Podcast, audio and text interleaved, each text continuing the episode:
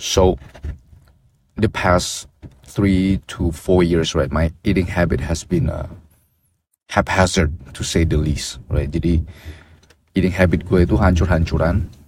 Uh, gue nggak pernah manage what I eat, kalori intake gak pernah gue manage, minuman yang manis gue nggak pernah manage, and uh, and I pay with my my health. Jadi gue lihat gue pernah kemarin tiga bulan yang lalu naik sampai 85 kilo, right?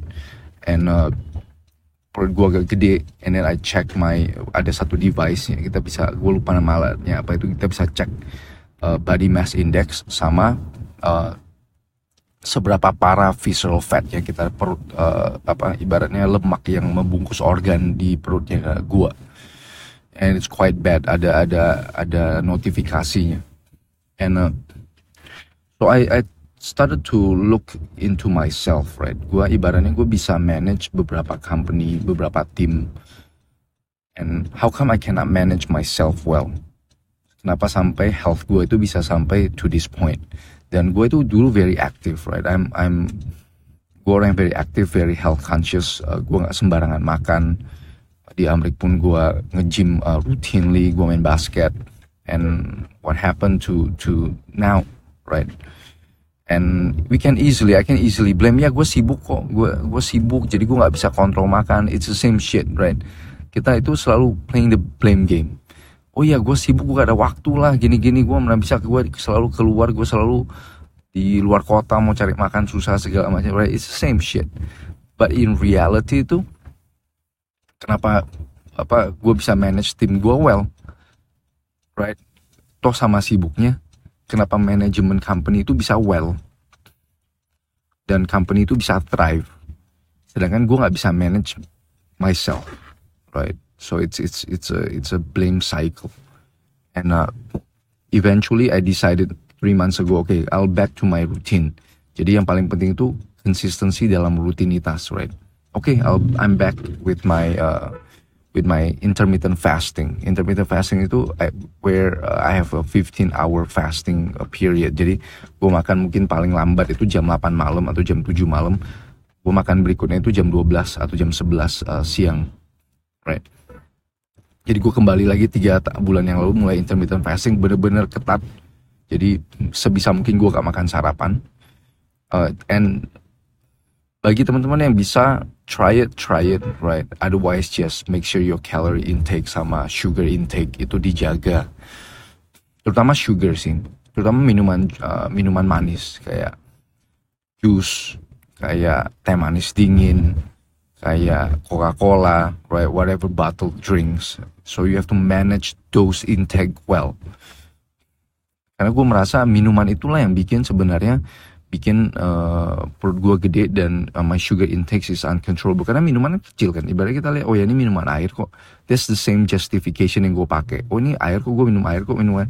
But in reality gue masukin 18 gram gula, 18 gram gula dua kali aja udah dua kali udah 36 eh, gram gula sedangkan maksimum itu per hari itu 16 gram that means I have uh, lewatin dua kali dua setengah kali dosis per hari right?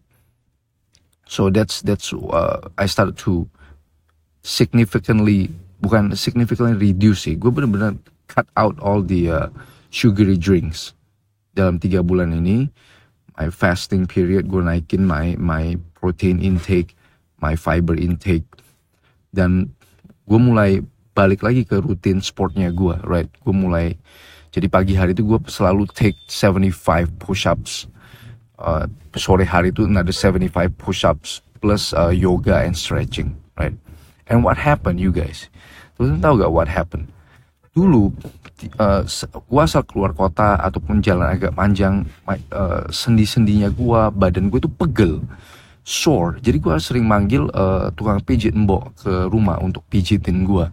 Bisa 2-3 jam and it doesn't cure the soreness. Gua tahu di dalam badannya gua ada inflame right jadi tapi gue gue pikir ya memang ya faktor U atau memang gue kerja udah jalan terlalu lama jadi gue pegel. But after three months, ini selama tiga bulan ini gue sama sekali tidak ada panggil tukang pijit untuk hilangin sore di kakinya gue it just go go away. It just go away. Sorenessnya itu go away. Crazy. Crazy. Apa yang gue lakuin?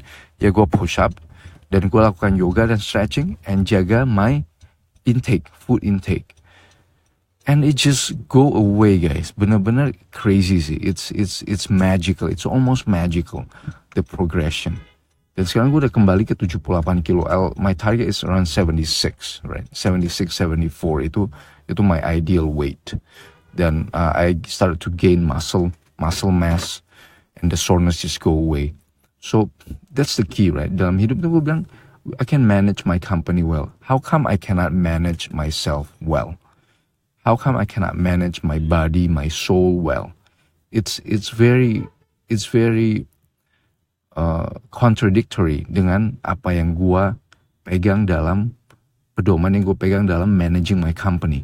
Sedangkan gue nggak pegang pedoman itu dalam managing my health, my body, my soul, right?